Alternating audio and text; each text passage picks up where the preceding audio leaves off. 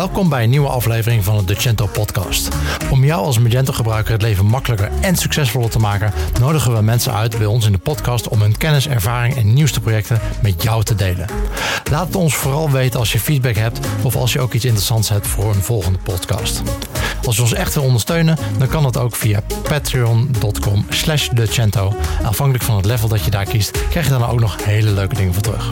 Alvast bedankt en veel plezier met deze aflevering. Nou, we gaan het vandaag in deze podcast hebben over GDPR, AVG. Ehm, belangrijk, want uh, ja, de tijd is daar. Hij moet er zijn. Um, op 25 mei moet hij in, uh, treedt de wet in werking en webshops hebben hier last van. Of die hebben hiermee te maken. Um, vandaag uh, hebben we bij deze podcast aanwezig Henk en Vincent. beide expert op het gebied van GDPR. Um, maar wat is, uh, wat is GDPR eigenlijk en, en, en waarom al die e-mails? En we hebben zoveel vragen. Nou, we gaan er vandaag uh, gaan het erover hebben. Um, maar GDPR, AVG, PITA, wat, wat, wat betekent dat eigenlijk, uh, Vincent? Um, nou, de AVG betekent de Algemene Verordening Gegevensbescherming. En de GDPR is eigenlijk de Engelse benadering daarvoor, is General Data Protection Regulation. En um, ja, ik zeg eigenlijk altijd standaard AVG. Dat vind ik, uh, dat, ja, dat bekt wat lekkerder. Maar sommige mensen die doen het altijd in het Engels en die zeggen dan GDPR. Het kan allebei. Uh, de PITA, ja, sorry, maar daar heb ik nog niet eerder van gehoord. Kun jij er iets over vertellen, Henk? De PITA? Nou, die heb ik toegevoegd. Dat was gewoon een General Pain in the Ass. Daar is die afkorting voor. maar dat, dat, kan, dat is flexibel inzetbaar trouwens hoor. Dat is niet per se uh, gelimiteerd tot de GDPR. Maar daar, daar past hij wel goed bij. Oké, okay. nou ja, dat, dat is het zeker. Er zijn een hele hoop ondernemingen die er echt mee worstelen en mee stoeien. En nou ja, ik, eh, vrijdag treedt hij natuurlijk in werking, 25 mei. En het is drukker dan ooit. Uh, mensen, nou, ik, het is overdreven als ik zeg mensen zijn in paniek. Maar mensen doen allemaal hun uiterste best om nog voor vrijdag in ieder geval op, op, op hoofdlijnen te voldoen aan de AVG en aan de GDPR dus eigenlijk. Maar uh, Vincent, ik bedoel, hij, hij, hij, treedt toch niet in werking vrijdag? Ik bedoel, hij is er toch al twee jaar? Hij is er al twee jaar, maar vanaf vrijdag zal er eigenlijk worden gehandhaafd en zullen de boetes kunnen worden opgelegd. Ja. Klopt, maar mensen weten, heel veel mensen weten dat niet, maar het klopt. Dit is al twee jaar bekend dat het eraan gaat komen. Maar ja, ja, ik ben zelf ook zo. Ik werk ook het beste met deadlines. En op de deadline is het af. Maar daarvoor is het niet altijd af. En, en, en wie gaat het controleren? En, en uh, als we het over boetes hebben, waar denken we dan aan? Nou, de boetes zijn zeer aanzienlijk. Het, het kan 4% van je wereldwijde omzet uh, kan, het, kan het worden. Um, de autoriteit persoonsgegevens, dat is de toezichthouder op het gebied van de AVG. En die, zal worden, ja, die is bevoegd om boetes op te leggen. Uh, nou moet wel gezegd worden dat de autoriteit persoonsgegevens um, ja, enorm, voor een enorme uitdaging staat. Ze hebben gewoon veel te weinig mensen, te weinig mankracht om effectief te kunnen handhaven. Dus ik verwacht dat die handhaving, dat dat ook nog wel even op zich zal laten wachten. Sowieso is in het verleden niet gebleken dat de autoriteit persoonsgegevens snel met boetes gaat strooien. Die, die gaan eerder mensen wijzen op overtredingen en, en uh, eventueel publiceren. En en daarvoor dan de meeste mensen die kiezen dan al eieren voor hun geld en zeggen dan, nou we passen het aan. Um, maar ja, de mogelijkheid is er wel, absoluut. Okay. Ja, en volgens mij, dat is net zoiets als met de, met de uh, volgens mij een paar jaar geleden, drone-wetgeving, dat je bepaalde dingen niet mocht. Uh, ineens werd het veel restrictiever. En dan was er drie mensen in heel Nederland die dat moesten controleren. Dus dat, ja.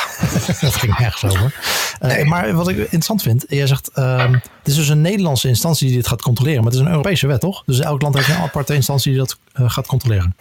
Ja, ieder land heeft een eigen toezichthouder en uh, die gaat het controleren inderdaad. En uh, ja, dus alle, alle toezichthouders in alle Europese landen. Ja. ja en als je nou uh, verschillende nationale entiteiten bedient, oftewel je hebt verschillende webshops voor verschillende landen, wat, hoe zit dat dan? Um, ja, dat is een goede vraag. Um, dat weet ik zo even niet uit mijn hoofd. Ik heb hier wel een artikel over geschreven, dat kun je vinden bij ons op de website. Um, maar het, ik dacht in het land uh, waar de klager is. Maar dat zou ik heel even moeten opzoeken, eerlijk gezegd. ik heb vorige week een, uh, was een sessie van uh, BNR.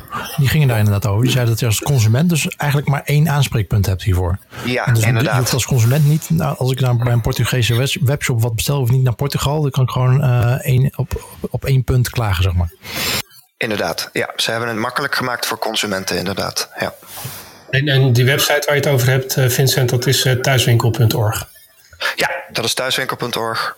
Als je daarin uh, intypt uh, toezichthouder en AVG, dan kom je zeker op, dat, op mijn blog uit, waarin wordt beschreven welke toezichthouder bevoegd is. Oké. Ja. Helder.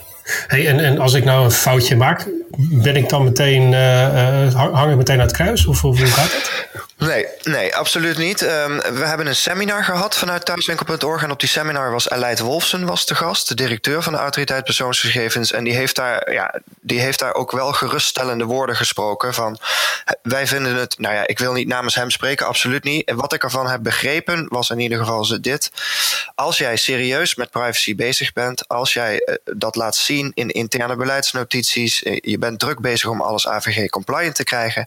En je voldoet op een klein nuancepunt niet, of je voldoet op kleine onderdelen niet, dan is de autoriteit echt niet de beroerste. En die denkt met je mee en die zegt: dit moet je veranderen, maar die gaat echt niet direct met boete strooien. Nee.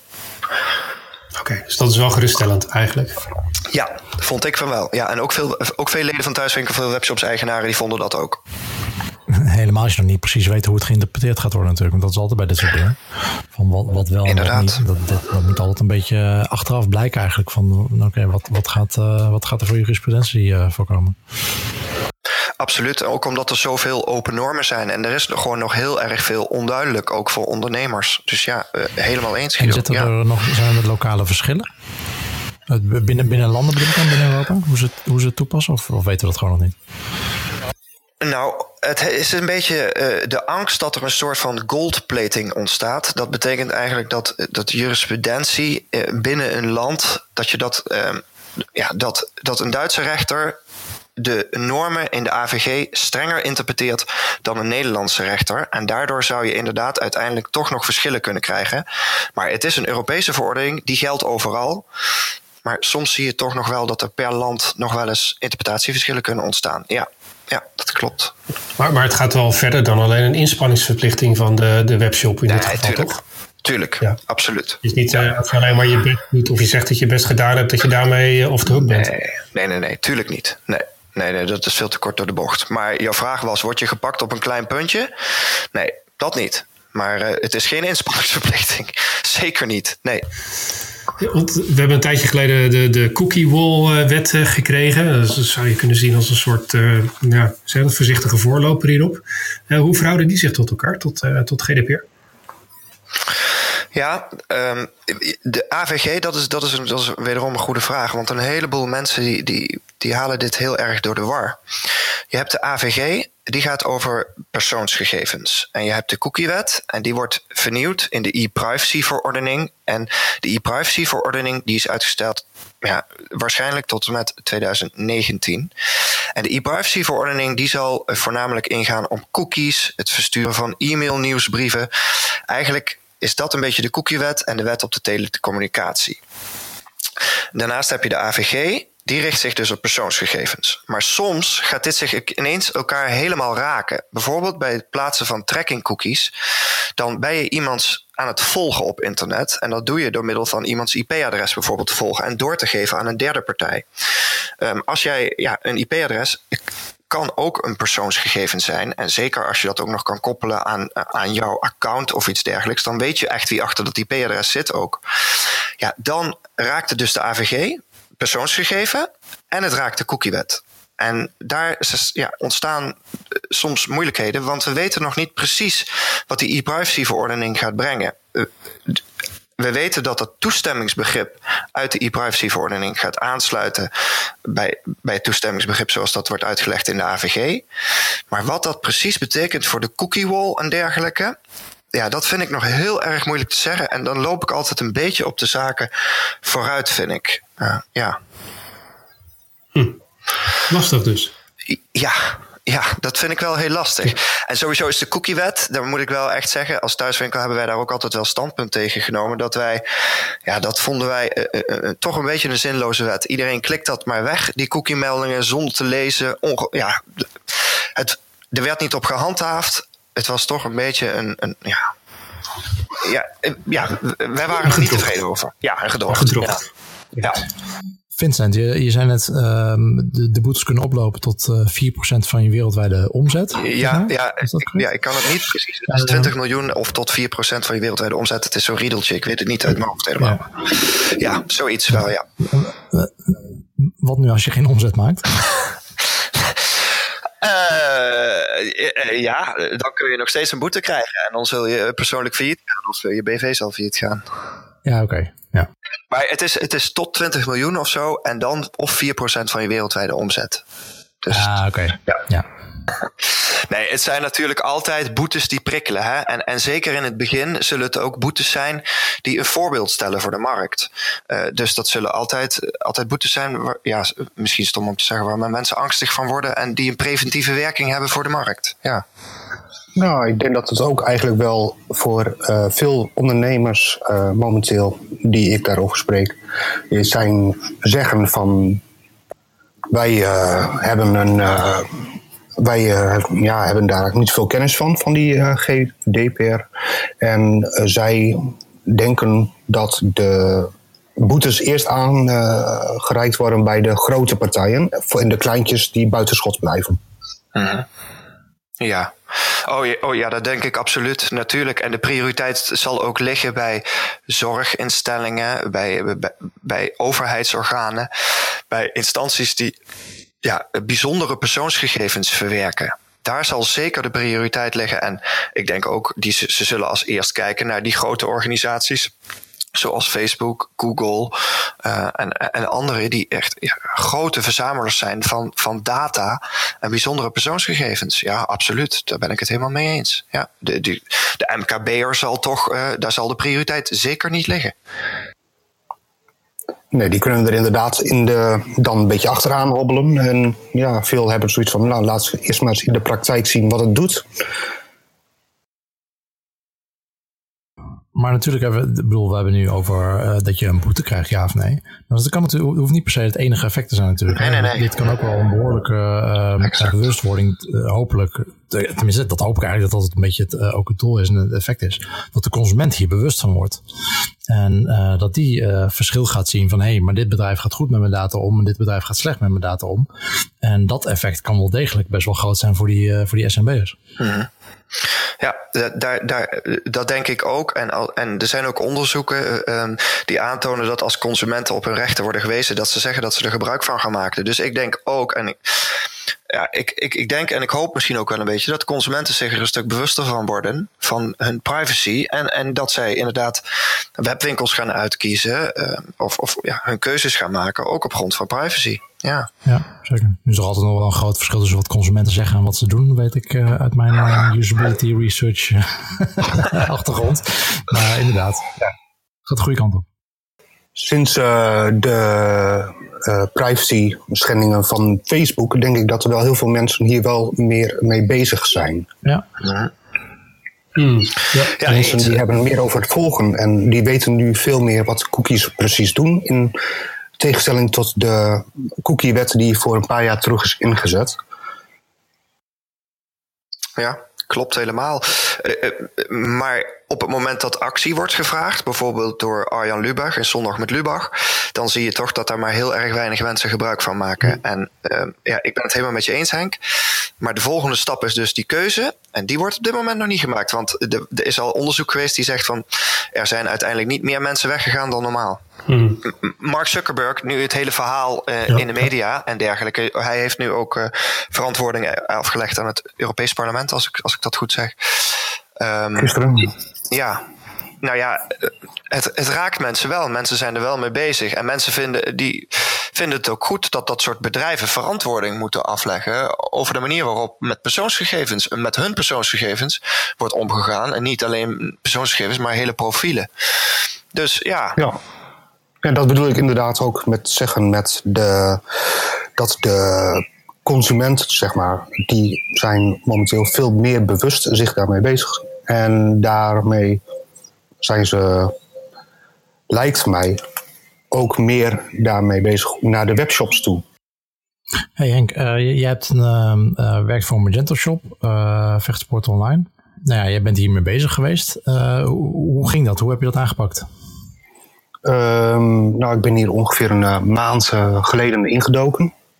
Ik dacht van, ik heb nog wel genoeg tijd over. Ik ben ja, veel informatie gaan inwinnen um, en bellen met uh, instanties zoals bijvoorbeeld thuiswinkel.org. Um, en ook met bijvoorbeeld Byte als hosting provider, hoe zij daarmee omgaan. Nou, heel veel hadden in de tijd dat ik daarmee startte met het onderzoek, hadden ze het zelf nog niet voor elkaar. Dat is een maand geleden dus. Ja. En het was nog wat onwennig voor iedereen.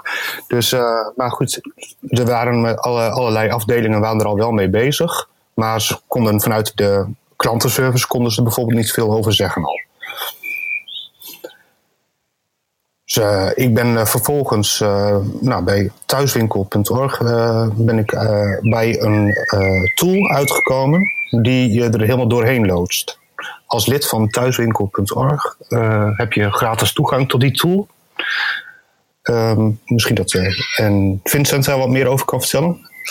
Ja, nou ja, we hebben inderdaad dus die tool ontwikkeld. En die helpt uh, een webshop op de grootste onderdelen uh, te voldoen. Um, natuurlijk niet alles, want ja, eigenlijk wil je helemaal voldoen, dan moet je ook echt in een bedrijf langs gaan en kijken van, nou zit de map wel in de kluis en zit er wel echt een gebruikersnaam en wachtwoord op?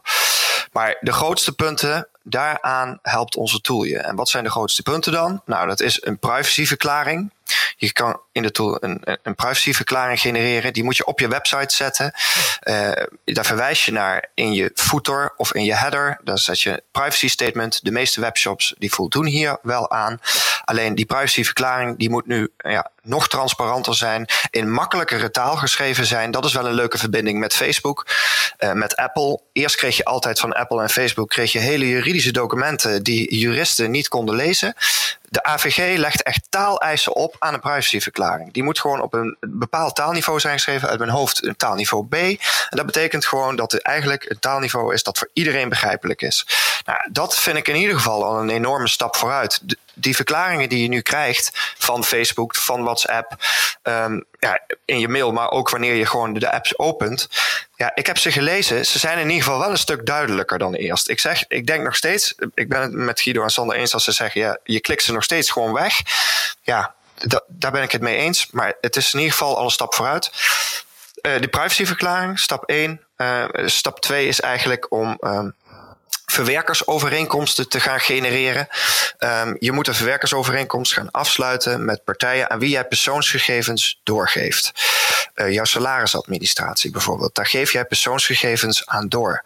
Um, Jij bepaalt waarvoor ze dat mogen gebruiken. Maar je moet gewoon even afspraken maken met die partij aan wie je die persoonsgegevens doorgeeft. Wat zij daar daarmee mogen doen. Heel veel, heel veel webwinkels en leden die bellen mij op en die zeggen: Ja, maar moet ik dat dan echt afspreken? Daar mogen ze in principe toch niks mee doen? Nee, precies. Hij mag daar in principe niks mee doen. En dat moet je heel even op papier zetten. Nou moet zo'n verwerkersovereenkomst wel weer aan wettelijke eisen voldoen. Dus is het heel erg makkelijk als je daar. Uh, die kun je genereren in de tool. Dat is heel erg fijn. Maar het is eigenlijk gewoon heel belangrijk dat je even afspreekt. Jij ziet wie mijn, ook, ook die consultant die even langskomt en in jouw systeem gaat. Jij ziet wie mijn klanten zijn. Jij ziet wat ik lever aan die klanten. Dat mag jij vervolgens niet gaan doorvertellen aan iemand. Dat is de ja, meest logische zaak van de wereld. Als jij ziet dat Mark Rutte klanten zijn mijn zaak, mag je dat vervolgens niet doorgaan vertellen. Dat zet je even op papier. Um, nou ja, in intern privacybeleid, uh, privacy administratie in register bijhouden, dat soort zaken, dat, daar helpt de tool je allemaal bij. Um, ja, dat zijn een aantal zaken die, die webshops moeten regelen. En ik kan ze altijd heel erg goed uitleggen wat ze precies moeten regelen. Maar de moeilijkheid is er ook nog wel in om het echt te regelen in de praktijk. Um, omdat ik natuurlijk nu ook bij Magento zit, vind ik het heel erg fijn om een keer met een, ja, met een leverancier, softwareleverancier eigenlijk ook te spreken. Want een heleboel leden die zeggen tegen mij van, ja, maar, hoe ga ik dit dan inregelen in de praktijk? Hoe ga ik ervoor zorgen dat dat, dat klantenbestand dat die klanten zonder account worden verwijderd na twee jaar. Of dat alleen de persoonsgegevens worden verwijderd, maar het e-mailadres blijft staan. Ja, dat soort systemen, hoe je dat inricht in het systeem, ja, daar zitten ook nog enorme uitdagingen. Nou, die zijn uh, in mijn zoektocht, zijn die uh, systemen, uh, zoals jij aangeeft, voor het anonimiseren, bijvoorbeeld uh, het verwijderen van accountdata en gewone gebruikersgegevens, die kunnen ja, door middel van bepaalde extensions, kunnen die heel simpel verwijderd worden of geanonimiseerd. Um, daarbij moet ik wel zeggen dat uh, voor de facturatie is het voor ons wel weer van belang. De, de, gegevens uh, bewaard blijven voor de boekhouding. Want als er fiat langskomt, zijn we daar verplicht toe om die te bewaren. Dus na twee jaar de gegevens verwijderen is in dat, ja, dat strookt een beetje tegen hetgeen wat de privacywet uh, wil. -huh. Ja.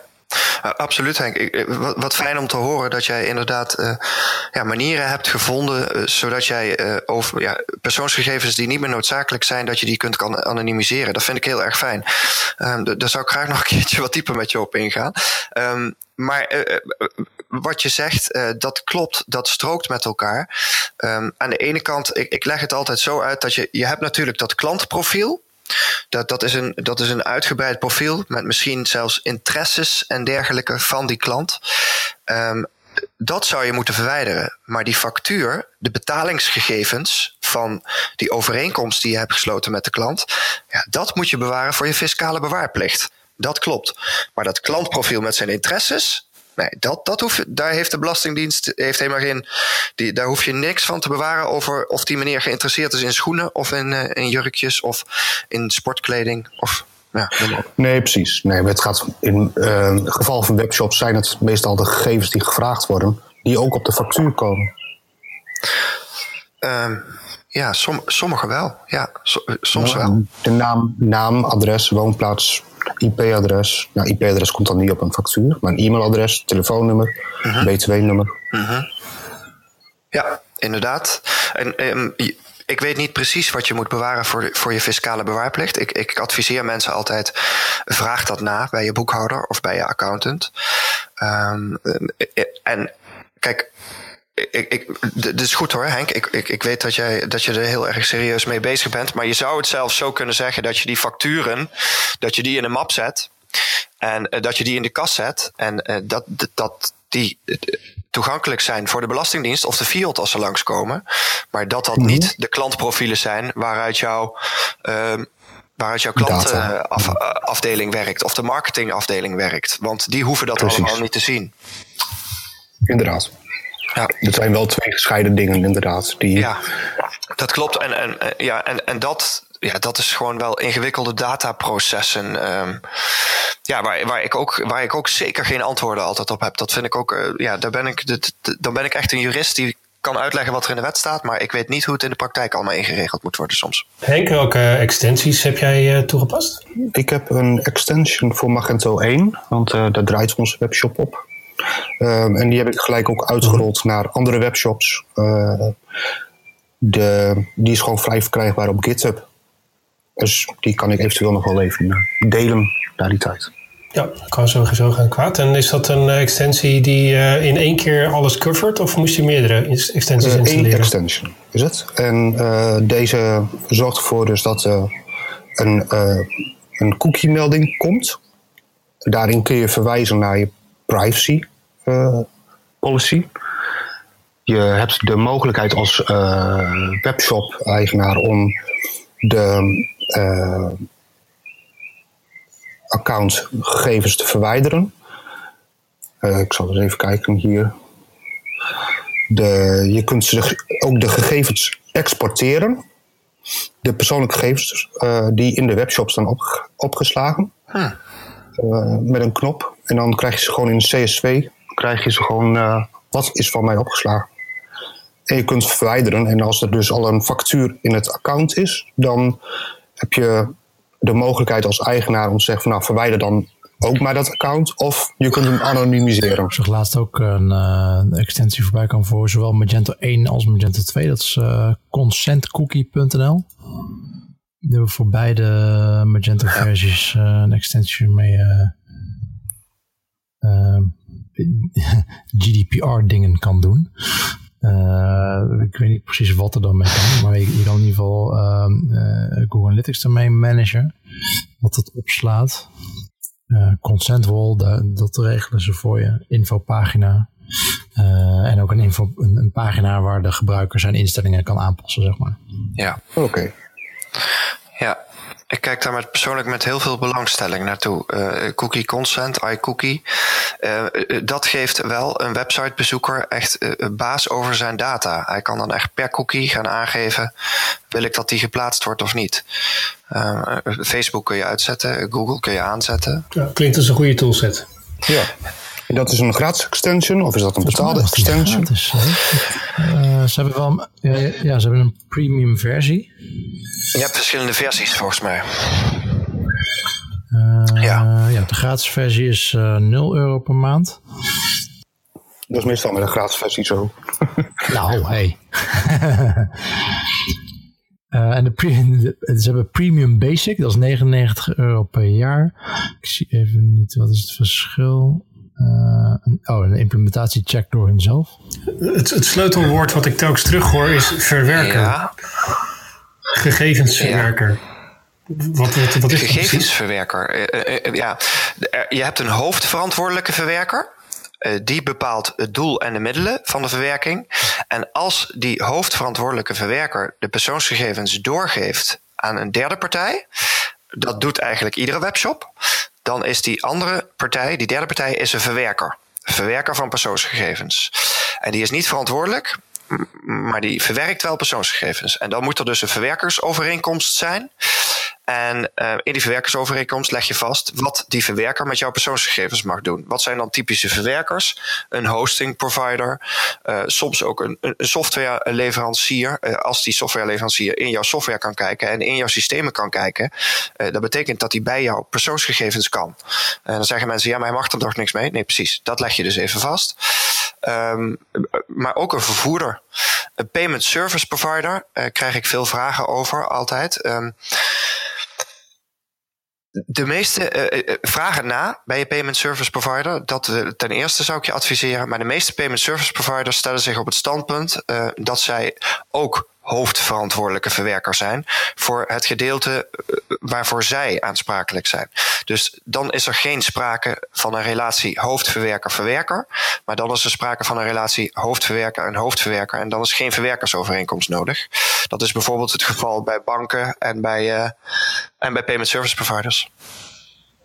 Ja, dan hoor ik je ook even de vervoerders noemen. Dus uh, degene die de labels afleest, zoals PostNL, van goh, waar ga ik dit pakketje af, afgeven? Ja.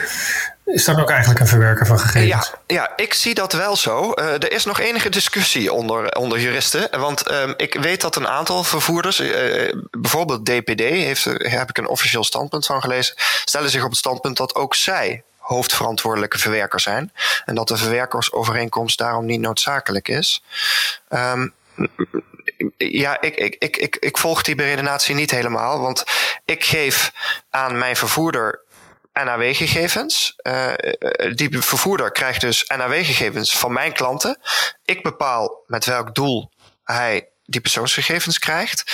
Um, dus hij, hij moet die persoonsgegevens gewoon verwijderen. Dat zijn mijn klanten. Hij heeft daar niks mee te maken.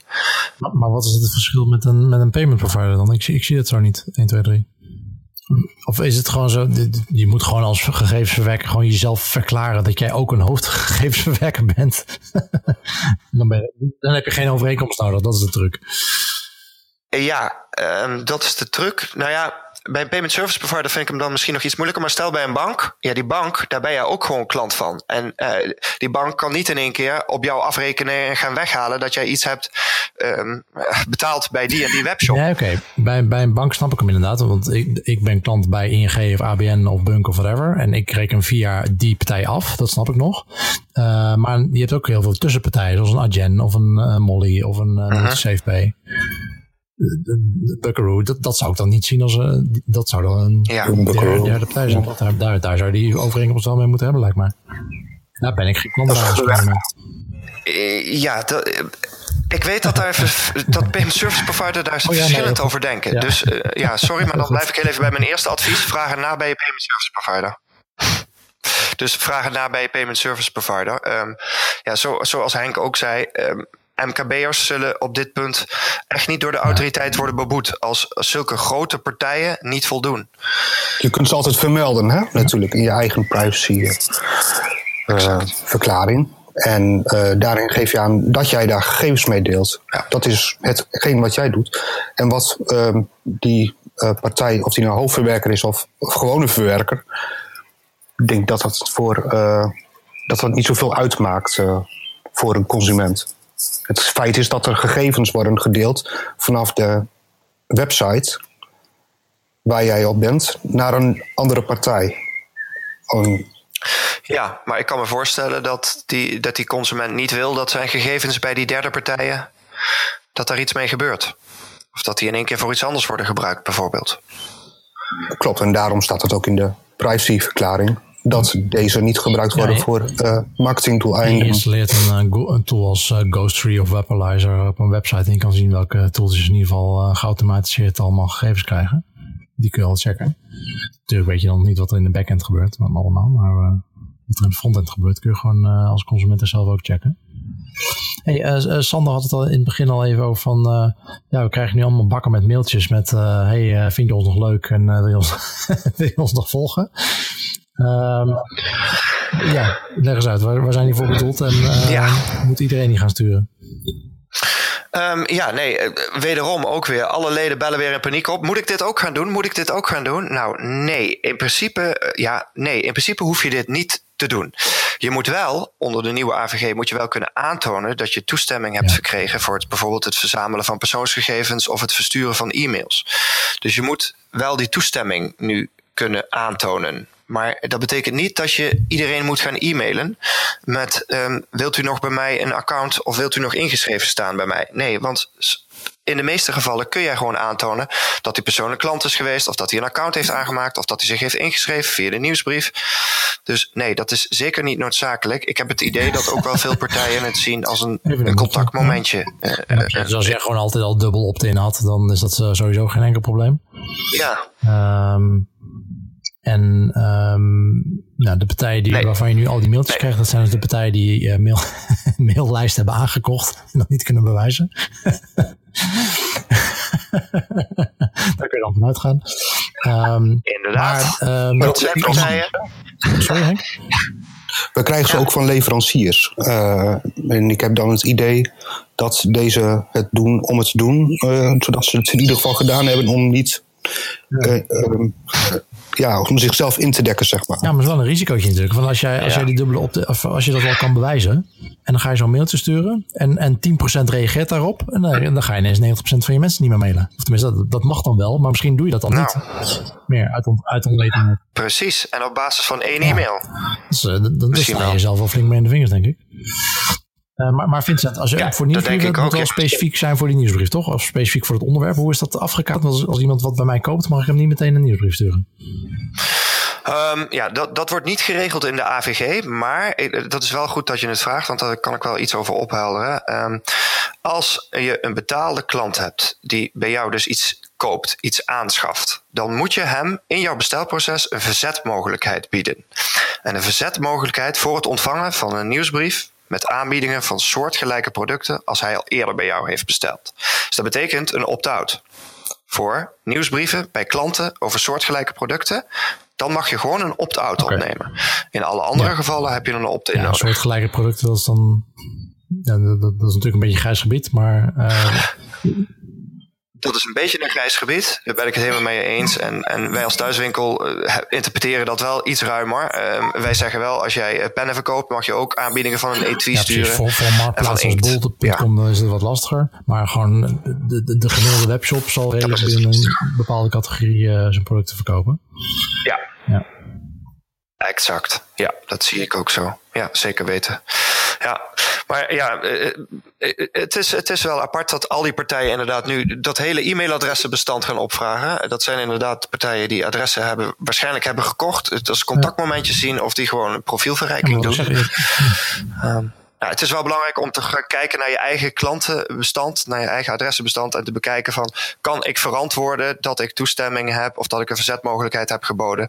Kan ik verantwoorden dat ik deze gegevens allemaal heb, dat ik deze bezit? Wordt er ook wel gebruik gemaakt van het, uh, het wijzigen van algemene voorwaarden? Waarbij een partij zijn algemene voorwaarden wijzigt en dan uh, dat niet of terloops meedeelt aan de klant en dat de klant dan dus aan die nieuwe uh, algemene voorwaarden gebonden is? Ja. Ja. Ja, maar vaak, hè, daar geldt weer hetzelfde voor. Uh, ach, het zal allemaal wel, klik maar ja. Um, bij heel veel checkouts uh, in webshops. Uh, ga, je al, ga je akkoord met de algemene voordelen? Ach, ja, natuurlijk. -huh. Klik, ja. Nou, als consument heb je, kan ik je geruststellen.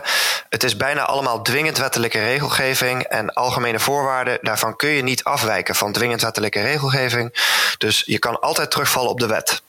En de wet is, is, is, is goed voor consumenten. Ja, ja, ja. Hey, en uh, wat zijn eigenlijk de rechten van consumenten? Uh, wat kan een consument nu gaan roepen tegen zijn uh, ja, tegen zijn uh, leveranciers of uh, webshops? Wat, wat, wat ja, Henk, heb jij al verzoeken gekregen van, van klanten? Nee, wij hebben geen verzoeken van klanten gehad. Oké. Okay. Nou, klanten kunnen je verzoeken, dat is mooi opgeschreven in de AVG, dat is een Belgische term, het recht op vergetelheid. Ik wil graag vergeten worden bij jou. Ik wil dat je mijn gegevens verwijdert. Nou ja, dan moet je in principe de persoonsgegevens verwijderen van die klant. Maar ja, dan zit je dus wel weer met die mogelijkheid waar we het eerder ook al over hadden, uh, met die moeilijkheid, uh, dat je niet de persoonsgegevens zomaar mag verwijderen van een factuur. Of iets dergelijks. In ieder geval niet in strijd met jouw fiscale bewaarplicht. Maar dus je hebt het recht om vergeten te worden.